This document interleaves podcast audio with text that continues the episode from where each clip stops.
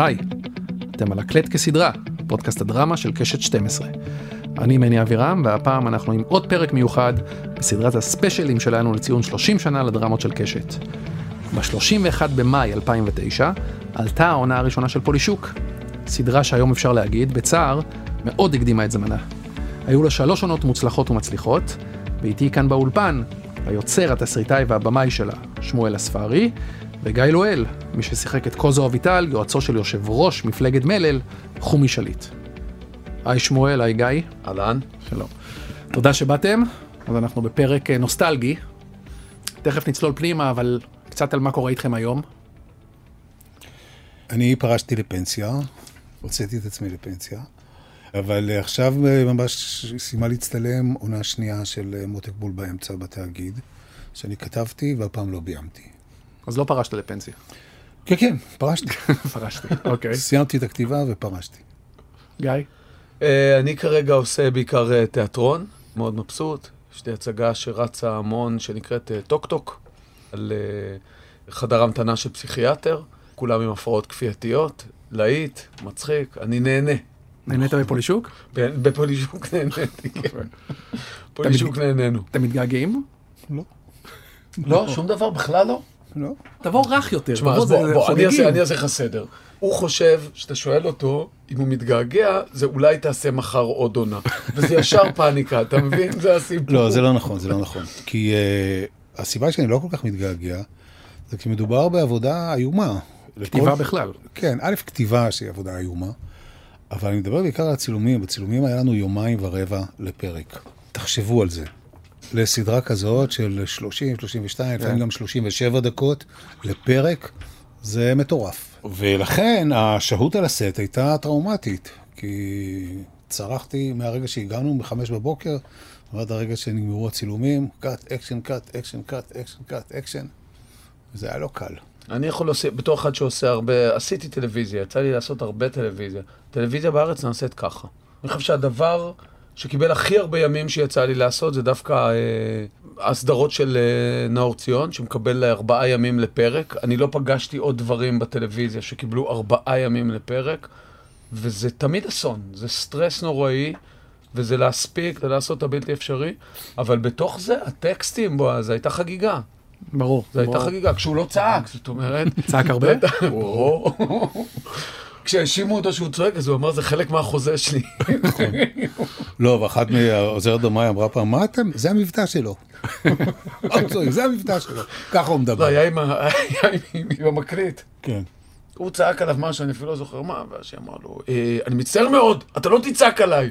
הוא התקרב ואמר לו, זה חלק מהחוזה שלי, אני חייב לצעוק עליך. כן, כן, היו כל הזמן מחלוקות. אני חושב הרבה מאוד על טקסט, המון. ואני מלטש ומצחצח כל מילה, כל הגייה, כל מקף, כל נקודה, ואני מבקש לשחק את המקפים והנקודות. קורה לפעמים שמגיעים שחקנים שחושבים שהוא קם בבוקר והוא בא עכשיו לסט, ויש לו רעיונות על איך צריך להגיד את זה, ושאולי אפשר לשנות פה או להוסיף. זה אפשר גם באימפרוביזציה, מה קרה? מה אתה לחוץ כזה? שם אני בדרך כלל אה, מתבטא. תקשיב, אני יכול לעשות מונולוג של חמישה עמודים, והוא אומר לך אחרי המילה הזאת אין פסיק. זה כזה, זה לא, זה באמת, זה... נדבר עוד על שחקנים עוד פעם, אבל בוא נחזור להתחלה, ותספר קצת על איך נולדה הסדרה בעצם. היא נולדה מאוד קשה, אני חייב לומר. גל זייד, שהיה אז מנהל אה, מחלקת הדרמה בקשת, שיחק אצלי בהצגה אישה בעל בית. ויום אחד באתי להצגה, וכשירדנו לחדר הלבשה, גל זייד אמר לי, מה דעתך לכתוב סדרה לקשת? אמרתי לו, לא טובה, דעתי לא טובה.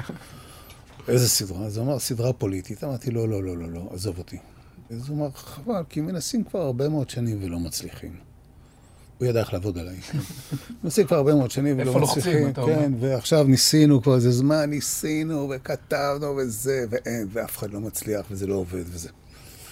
ובזמן שגל זייד מדבר איתי, אני רואה את מנשה נוי מגיע לאסוף את קרן מור ששיחקה בהצגה.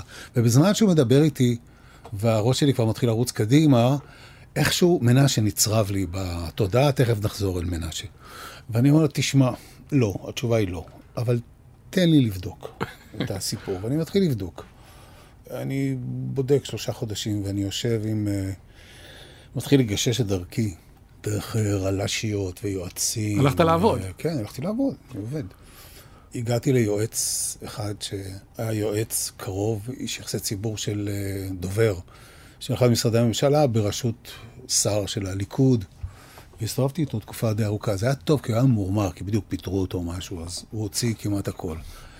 ושלושה חודשים ישבתי איתו, והחלטתי לא לעשות. ובשיחה האחרונה קמתי די מיואש מהדברים ששמעתי כל הזמן, ואמרתי לו, תגיד, קורה לפעמים ששר עושה משהו לטובת המדינה? זה קורה?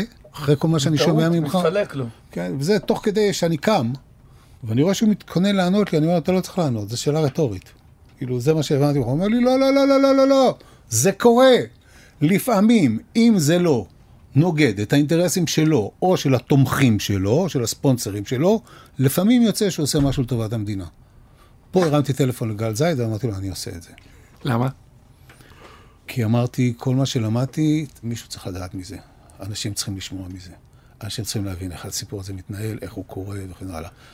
ואמרתי הרבה מאוד פעמים, אנשים חושבים שזה קומדיה, שזה סאטירה, שזה הו-הו-הו, מופרך וזה.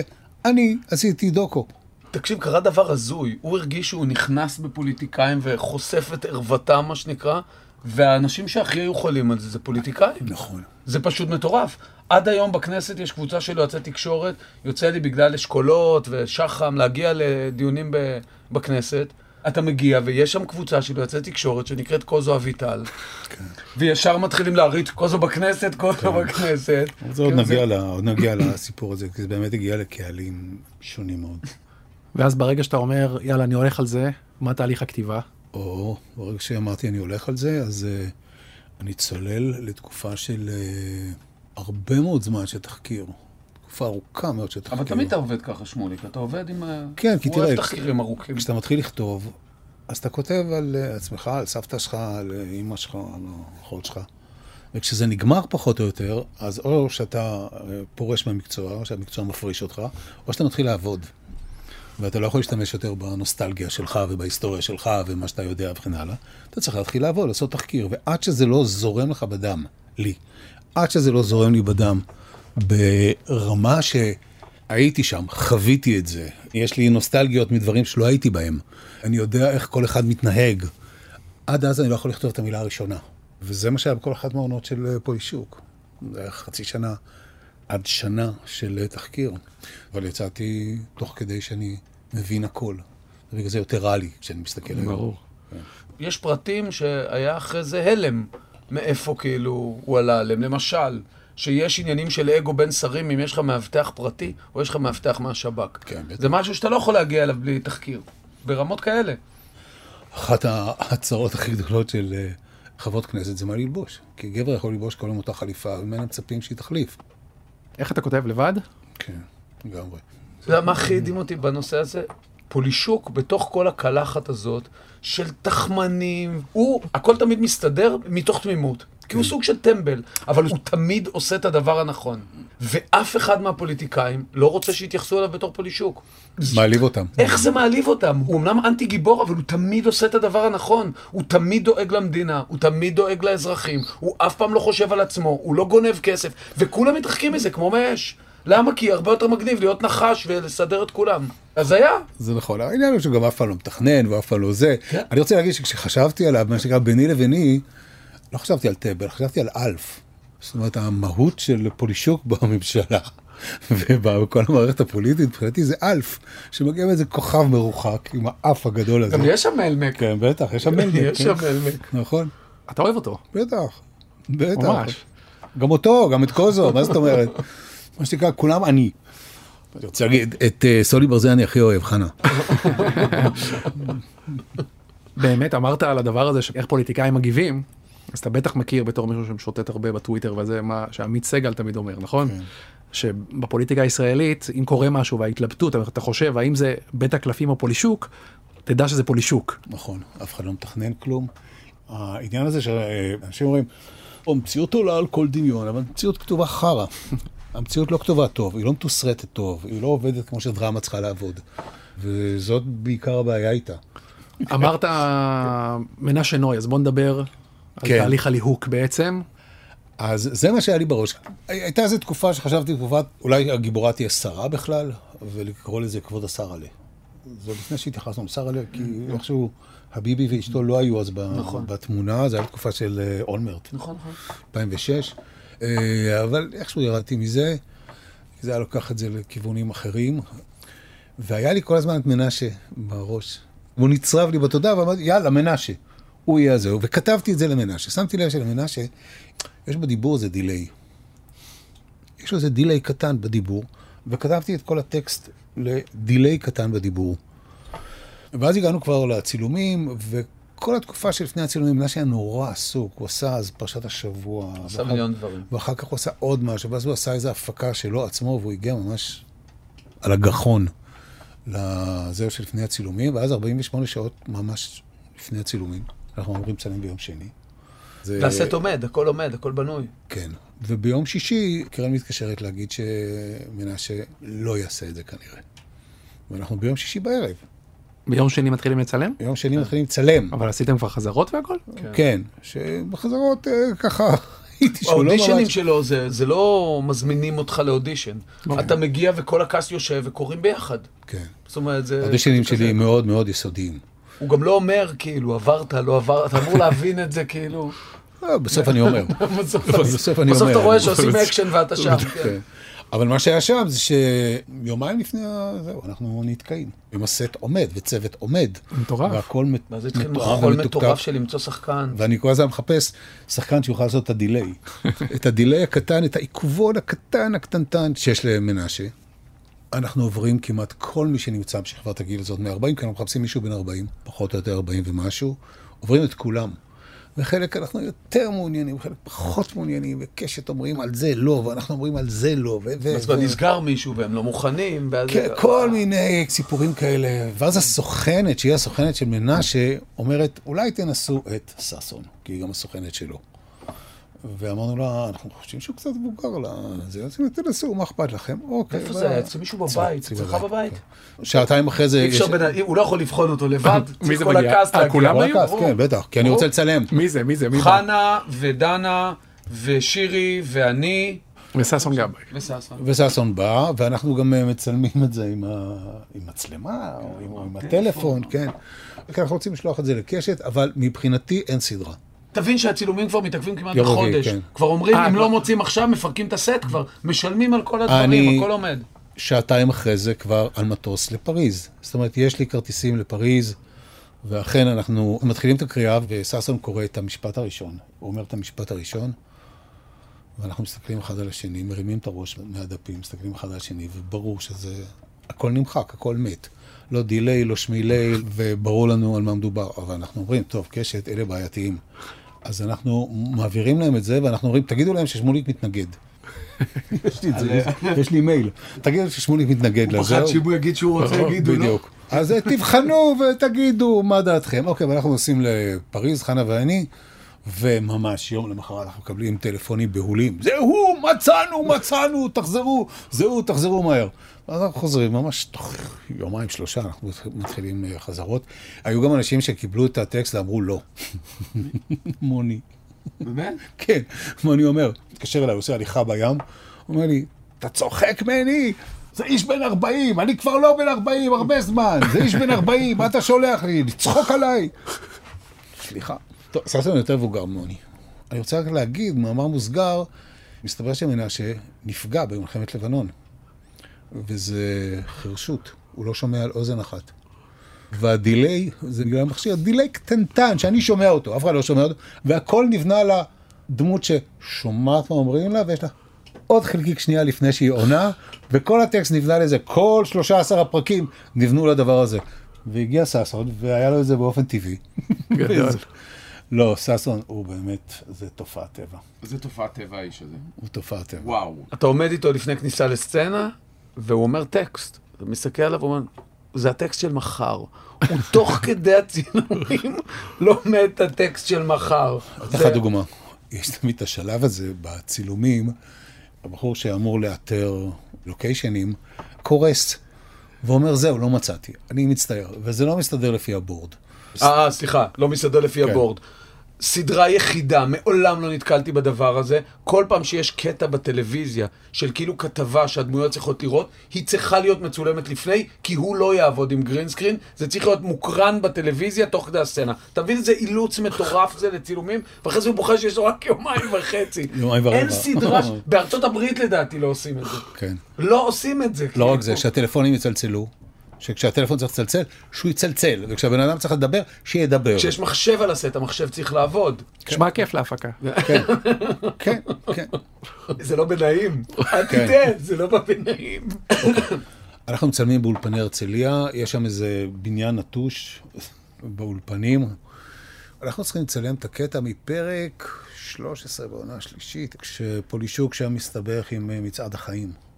במקום להגיע למצעד החיים, הוא מסתבך שם עם איזה פקיד כשהולך להוציא מסמכים בשביל להוציא דרכון פולני. אה, מה שכאילו כן. מתרחש בפולין. כאילו מתרחש בפולין, משם מעבירים את הנאום שלו למצעד החיים באושוויץ. כן. מה שקורה בצילומים זה ששכחו להודיע לו לסצנה. ופתאום אנחנו מבינים שלא יהיה לנו את המקום הזה יותר. גמרנו, זה לא יהיה. וזו הסצנה הכי חשובה, המונולוג הכי חשוב בכל הפרק. אני בדחיל אורחים, הוא ניגש לססון ואני אומר לו, תשמע, אתה זוכר את המונולוג הזה הגדול, את הנאום שאתה נותן באושוויץ ממיטת חולייך באיזה מרפאה מחורבנת באיזה כפר אה, פולני? הוא אומר לי, כן, זה די ארוך. אז אמרתי לו, אז אה, זהו, אנחנו צריכים לצלם את זה, היום. אז אה, הוא מסתכל עליי, הוא אומר לי, בסדר, תן לי 20 דקות שלא יפריעו לי. 20 דקות. לא, אין לו, הוא גם... ואחרי אה, 20 דקות אנחנו נכנסים, והוא עושה את זה בטייק ראשון, או טייק אחד אחרי זה. בלי להגזים, אמרתי שבאמת במאי לקבל שחקן כזה זה כמו לקבל נבל עם אלף מיתרים. אתה כל מה שתבקש. כל מה שתעלה בדעתך הוא פשוט לא, לא. זה... אני תמיד כאילו, היה לי... כששאלו אותי מה אני רוצה להיות שאני אהיה גדול, זה ששו. באמת. אז ששון היה אחד, וככה הוא בא לתפקיד. אבל לפני זה, כשעשינו אודישנים, אז ראיתי כל מיני אנשים, ואז יום אחד אומרים לי, מגיע אחד, גיא לואל. אמרתי, אני לא מכיר אותו, מאיפה הוא? הוא לשחק בטלנובלות. אמרתי, אתם מביאים לי שחקנים של טלנובלות? לא הגזמתם? איך הוא יעשה את הדבר הזה? זה הרי קוזו, אתה צריך להיות מדויק ובתדר של fine tuning כזה, עם אינטונציות והבנה עמוקה, גם של הדמות הזאת, שהוא בן זונה, בן זונה עד עמקי נשמתו, סדיסט מצד אחד, מצד שני, פתאום נפתח לו הטוב לב, פתאום יש לו את ה... משהו זורח שם בפנים, עם הנאה מטורפת לטקסטים. עכשיו, ברור הרי שמכל הדמויות כזו קרוב אליי, יותר מכל דמות אחרת. אני לא טוב לב, או אהבל כמו פולישוק, ולא מסודר כמו סולי ברזל. קוזו זה האיש שלי. ואז מביאים לי את אה, גיא לואל, ולפני שהוא נכנס אומרים לי טלנובלות וזה, ואז הוא נכנס ולוקח את הטקסט, ויש לו איזה מונולוג אחד שהוא צריך לעשות. וזהו, עוד פעם. הוא עושה את המונולוג, אני לא מאמין למשמע אוזניי. הוא מדויק, הוא מדויק כל כך ברמות. אני אומר, הנה, מצאנו איש עם תהום זדונית בתוך ליבו, הוא יביא לי את קוזו. וזה באמת מה שקרה. מה אתה זוכר שם? א', בוא, זה נשמע נורא ורוד, היה לנו מריבות בלי הכרה. על הסט. על הסט, בלי הכרה. כן. ספר תכף, בלי עכשיו אנחנו? לפני, אנחנו עוד באידיליה. אבל- לא על טקסטים, לא על לא על טקסטים. טקסטים. על זה שהוא שמוק נרסיסט, אגואיסט, שיש על זה חדר... שהוא freak control. על זה בוא. שיש חדר של 50 אנשים עם סטטיסטים ועם אה, כן, כל כן, מיני. ביטים ושחקנים אחרים וכן הלאה, לא מעניין אותו כלום. לא מעניין אותו שום דבר. זה סצנה, ברמה, שמים אותי עם חולצה ורודה. ואני יודע שהסצנה הזאת מתחברת לסצנה שאני פותח דלת עם חולצה כחולה, ואני אהיה בחדר עם חולצה ורודה. ואני בא ואומר לו, שמוליק, אני עם חולצה לא נכונה. תתעסק בעניינים שלך! מתחילים לציין את הסצנה, עושים שני טייקים, ואז המלביש בא ואומר לו חולצה, אז תחליפו לו! זה כאילו, זה כאילו... לא זוכר את השטויות האלה. אני זוכר אבל משהו אחר, אני זוכר סצנה בבית חולים בירושלים, הסצנה האחרונה של עונה שנייה, שבה אבא של פולישוק הולך לעולמו, זה יום הבחירות, וכולם במתח, עוד רגע המדגם. ויש שם גברת אחת שלא רוצה לראות מדגם, אלא היא רוצה לראות ערוץ ויבה או משהו, ויש על זה ויכוח וגונבים את השלט, ויש שם בלאגנים וזה וזה וזה. שנייה לפני נודע לנו אם האבא חי, ושנייה לפני שאנחנו מבינים אם הוא עבר את אחוז החסימה או לא. והוא רב שם עם ההיא שרוצה את השלט, את הערוץ סביבה, והוא צועק עליה משהו, קוזו, והיא ממלמלת מתחת לשפה, היא אומרת, תת-רמה. כמו שנהוג לומר היום, תת-רמה. והוא, רק תן לו תת-רמה. רק תעשה... שלא היה כתוב בתסריט, והאיש קורס. ועכשיו, תבין, זה הכל מתוכנן לשוט אחד, שוט יפהפה, שמתחיל שם, והוא הולך איתו, ונכנס איתו, ומראה את כולם, ומתפתח, הולך לטלוויזיה, וחוזר וזה, אבל היא אמרה לו תת רמה, הוא מת. לא, לא, סליחה, אני לא יכול ככה. ועושים עוד פעם. היינו מגיעים לסיטואציות של צרחות, בלי הכרה. היפה הוא שאת העונה השלישית, כולה כמעט מתרחשת במלון הר ציון. נכון, בירושלים. ונשארנו גם לישון במלון, וכל ערב היינו יוצאים לאיזה מסעדה לשבת לאכול. אז אי אפשר היה שלא לסגור את ה... אתה יודע, מריבה, מריבה, מריבה, ואז יושבים בזה, ואין ברירה, כאילו. ואני פותח את הלב, הוא פותח את הלב, ניקינו את כל השולחן. הוא אמר פעם משפט גאוני. זה הלך ככה. אמרתי לו, שמוליק, אתה אף פעם לא טועה, אה? אז הוא אמר לי, אני אף פעם לא טועה. פעם אחת טעיתי, שחשבתי שטעיתי ואמרתי שטעיתי, אבל טעיתי, אני צדקתי. זה היה המשפט. אני לא- אבל אתה זוכר את ההתחלה בעצם שקיבלת את הטקסט שהציעו לך לבוא לסדרה? אתה מגיע לקריאה, כן. לא קוראים לזה אודישן, אתה יוצא מהקריאה, לא אומרים לך כלום, ואז מזמינים אותך לעוד קריאה. בגלל זה אמרתי לך, אני, זה, זה, אני לא יכול להצביע על הרגע שהבנתי שקיבלתי את זה. זה פתאום התחלנו לצלם. לי לקח. זמן להבין ש... בוא'נה, למרות מה שחשבת, אז גיא לואל, כן, הוא קוזו. זאת אומרת, הוא עשה פעם אחת, והלכתי הביתה ואמרתי, רגע, אבל הוא עשה את זה נפלא. למה לחכות? אז רגע, בוא נראה את זה שוב. וראינו את זה שוב. אמרתי, בוא נקרא לו שוב. והאחרים, תראה, למשל, איך התקבלה תקומה? איך התקבלה שירי גדני, למשל? את שירי גדני ראיתי בערך שש או שבע שנים לפני זה, בעכו, בפסטיבל עכו, והייתה הצגה בפרינג' של הפרינג' של הפרינג', שובן של הגרביים הקטלניות. הייתה שם אחת מדהימה, מדהימה, עם שיער בלונדי ארוך, רזה כזאת, שהגניבה אותי. ובאתי אליה אחר כך, ואמרתי לה, מי את, מה את? והיא אמרה, אני הולכת ללמוד עכשיו בניסן נתיב. ובאתי אליה שלוש שנים אחר כך, כשהיא סיימה את ניסן נתיב, ואמרתי לה, בואי לקאמרי, אני אביא משהו בקאמרי, אני רוצה אותך לקאמרי. והיא אמרה לי, אנחנו בדיוק הולכים לתיאטרון גשר עכשיו, כקבוצה. בקיצור, רדפתי אחריה איזה שש או שבע או שמונה שנים, ועכשיו כשהגענו לדבר הזה, אמרתי, אני רוצה אותה. לסיפור הזה, והטקסט למעשה נכתב לפה שלה. בעונות הראשונות היה לה מאוד... תקומה זה דמות של מטומטמת. היא כל הזמן עושה פדיחות, היא כל הזמן עושה דברים הלא נכונים, וקצת. הצוות כולו התבלבל. כן. כאילו כל הצוות התייחס אליה, כאילו מותר לה... לי היה טקסטים שנכנס בה כמו מטורף. היו דברים, וכאילו כן. כל הצוות הרשה לעצמו להתייחס אליה, כאילו היא מפגרת, היא- אתה- היה לה קשה עם זה. אתה עובר על הטקסטים שקוזו אומר לה, וואו. אי אפשר לעמוד בזה. אי אפשר לעמוד. עכשיו, תראה, לקראת שיחתנו אני צפיתי קצת. אה, באמת? אני לא יודע מי חולה הנפש שכתב את הדברים האלה. מי עומד מול בחורה, ובגלל שהוא נזהר ממיטו ומכל מיני כאלה, שזה לא יהיה הטרדה מינית, כבר אז? הוא מסתכל עליה ואומר לה, אני רק רוצה לחבר לך צינור של מילוי אוויר, ושתתנפחי ותתנפחי ותתנפחי ותעופי דרך החלון, שאני לא אראה אותך יותר. מה שאת אומרת שווה פחות מקצף של שתן של גמל דוד דבשתי במדבריות מונגוליה. מאיפה לכל הרוחות? טקסטים כאילו מטורפים, בחייך. היה אני הזה- לך את האור בנקניק סלמי ושחרר עליך להקה של זאבים מרמת הגולן. כן, זאת אומרת, כמות אה, האלימות המילולית אצלו. הייתה בלתי נדלית, בלי סוף. המונולוג זונה עם ששון? עד כאן. כן. עד כאן. עד כאן, אני כן. יכול להביא לך נערת ליווי, להכניס אותה לחדר, להפשיט אותה, לשים אותה על המיטה, אבל... אני- לא, להעמיד לך, ולהעמיד לך במקומו. תגיד, וטקסטים כאלה באלימות שלהם, אתה בתור שחקן שם, מבין את האלימות או שזה כזה... ברור שאתה מבין את האלימות, אבל א', זה היה אלים נורא מתוחכם, נורא חריף. זה אלימות שאתה לא יכול שלא, היא אלימות של. תסכול. כי מה שהוא רוצה לעשות זה לדפוק לה את הראש בקיר.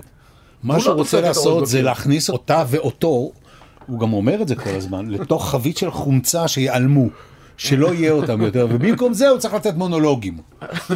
אחר כך דוגמה, ויקי למשל, דנה סמו שעשתה את אה, ויקי, היא אפילו לא הייתה באודישן, כי בעונה הראשונה התפקיד שלה היה קטנטן שבקטנטנים, כאילו, זה זה היה איזה ביט שקיבלתי איזה וידאו כזה כדי, תחליט וגדל זאת או זאת. וגדל, כן. ו...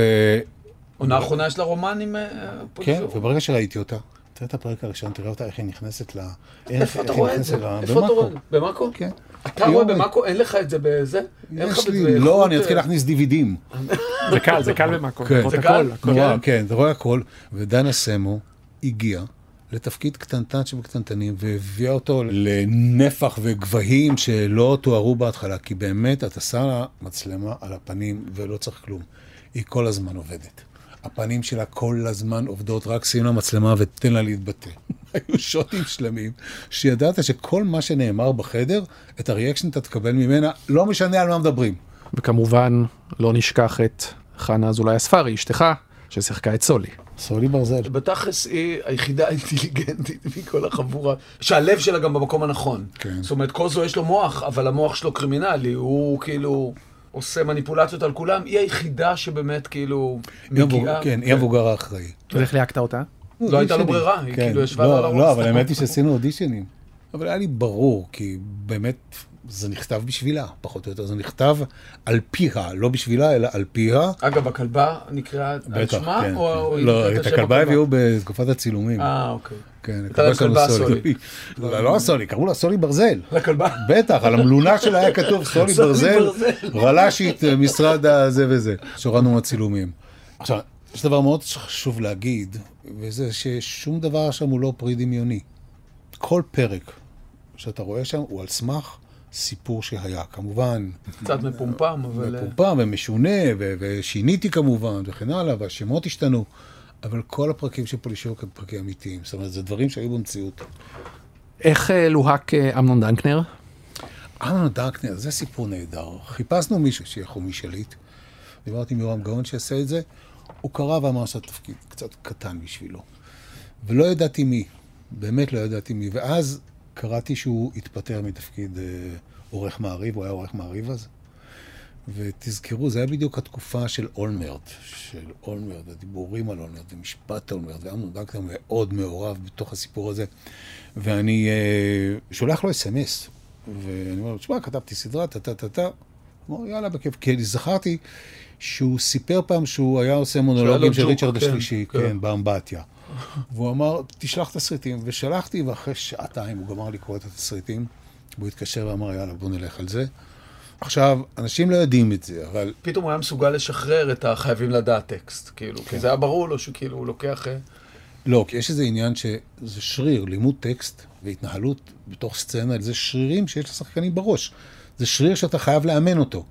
ואצל אמנון דנקנר זה לא רק זה שהוא צריך להגיד דברים שלא הוא כתב, שמישהו אחר כתב ועכשיו הוא צריך לומר אותם, אלא שהוא צריך ללמוד בעל פה, סצנות שלמות.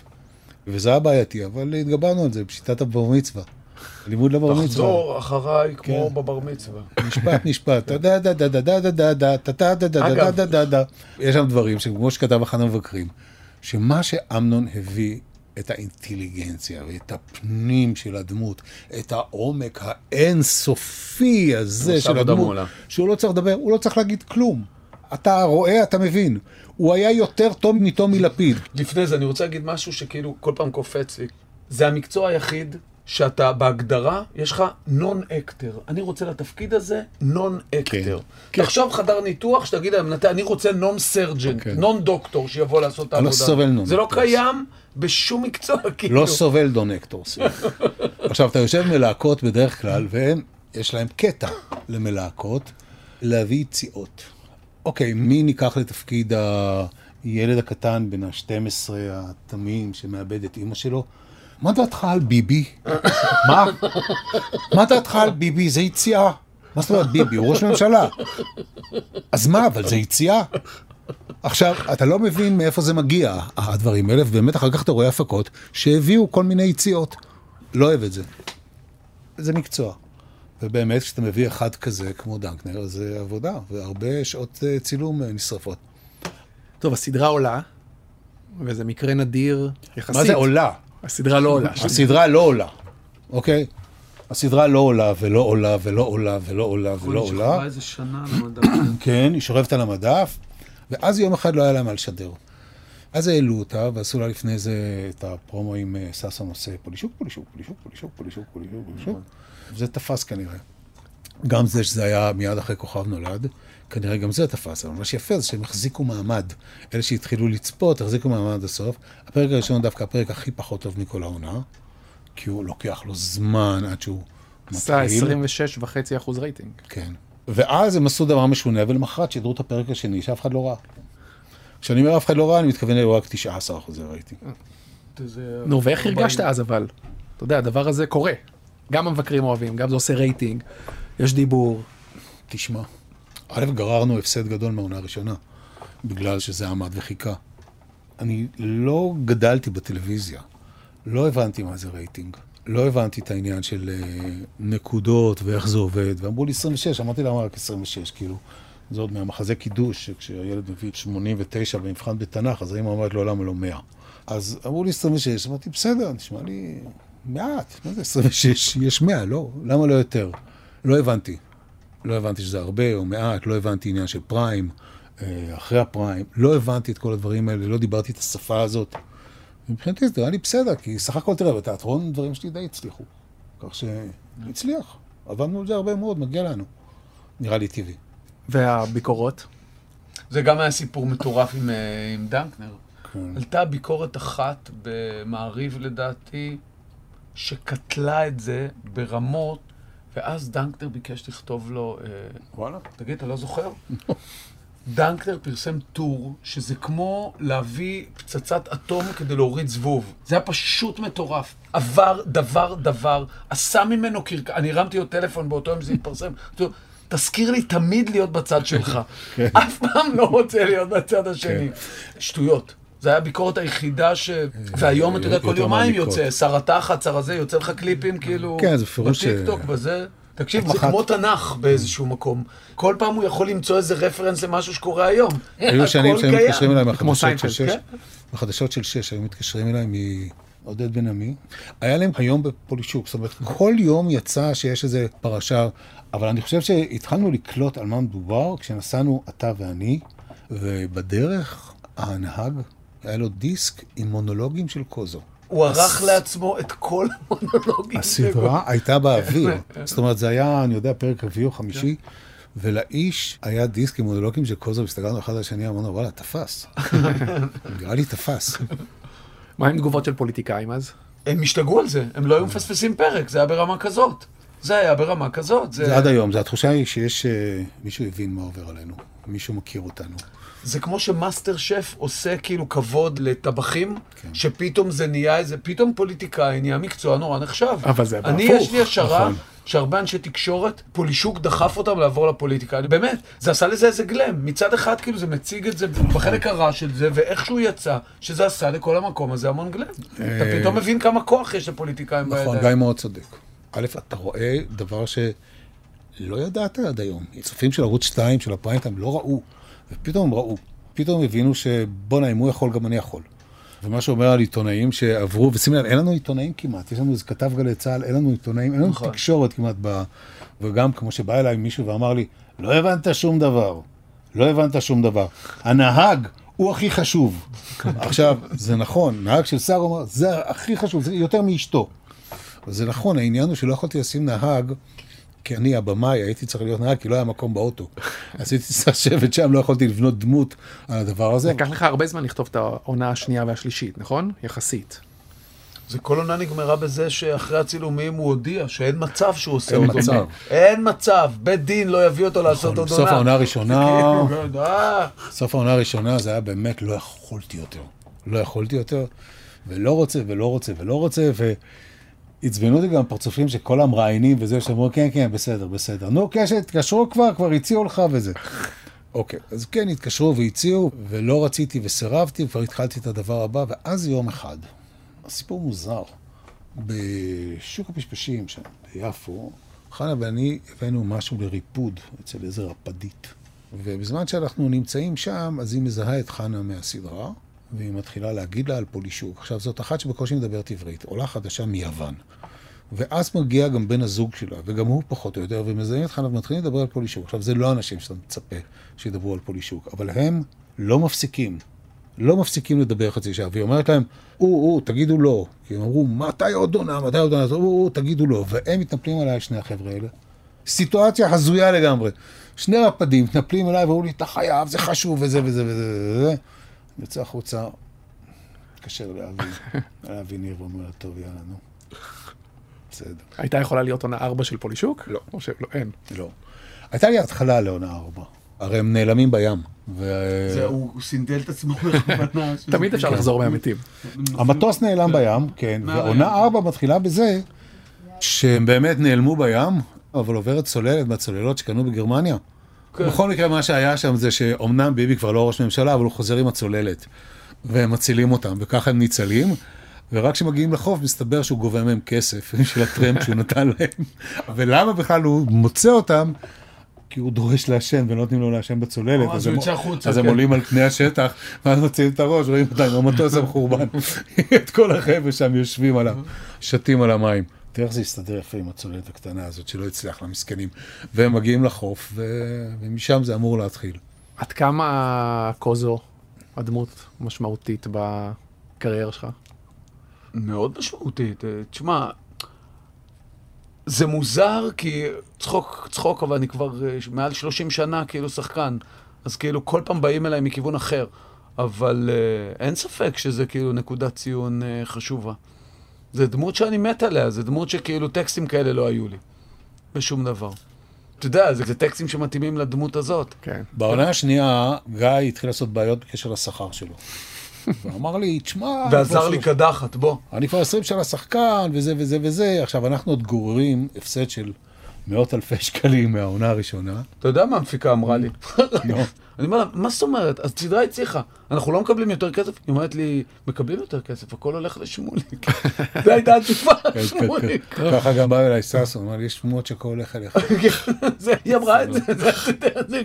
בקיצור, הוא בא ואומר, אה, זה, מה, אני לא, אני רוצה להרוויח יותר וזה וזה. אמרתי לו, גיא, תשמע, יש מעטים שחקנים בעולם, אני חושב, שיושב בן אדם שנה שלמה ומכוון את המילים שלו בדיוק לחך ולסתימה שיש לך בשן השלישית אה, מצד ימין, כדי שזה יישב בול, גם שיתאים לאופי המחורבן שלך וגם שיתאים לאינטונציות שלך. וזה, אני חושב, אולי שווה יותר מ... אני יודע, 500 שקל לפה או לשם. לזכותו היה משהו השתכנע. חבל שאי אפשר לראות פרצופים בפודקאסט. כיף. תשמע, אבל זה היה כיף נורא גדול לדעת שאתה כותב טקסט שיעשו אותו כמו שצריך. כל אחד מהחמישה שהיו שם. כתבתי לשירי, כתבתי לחנה, כתבתי לששון, כתבתי לוויקי, כתבתי לגיא, לגיא. יש דבר מדהים בהתקבלות של הסדרה הזאת אצל חרדים. יש חברות שנפגשות בימי חמישי, נגמר השבוע, מזמינים קצת אוכל, לומדים קצת בשביל לצאת ידי חובה, ואז רואים שני פרקים, פרשת השבוע, רואים שני פרקים של פולישוק.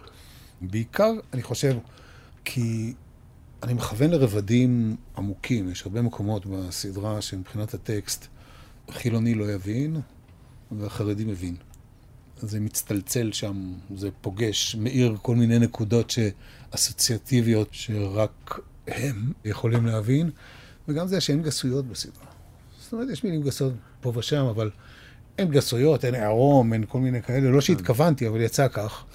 ואם יש עניינים של, אה, אני יודע, רומנטיקה, זה מרומז. זה מאוד מרומז. הכי מרומז שיש.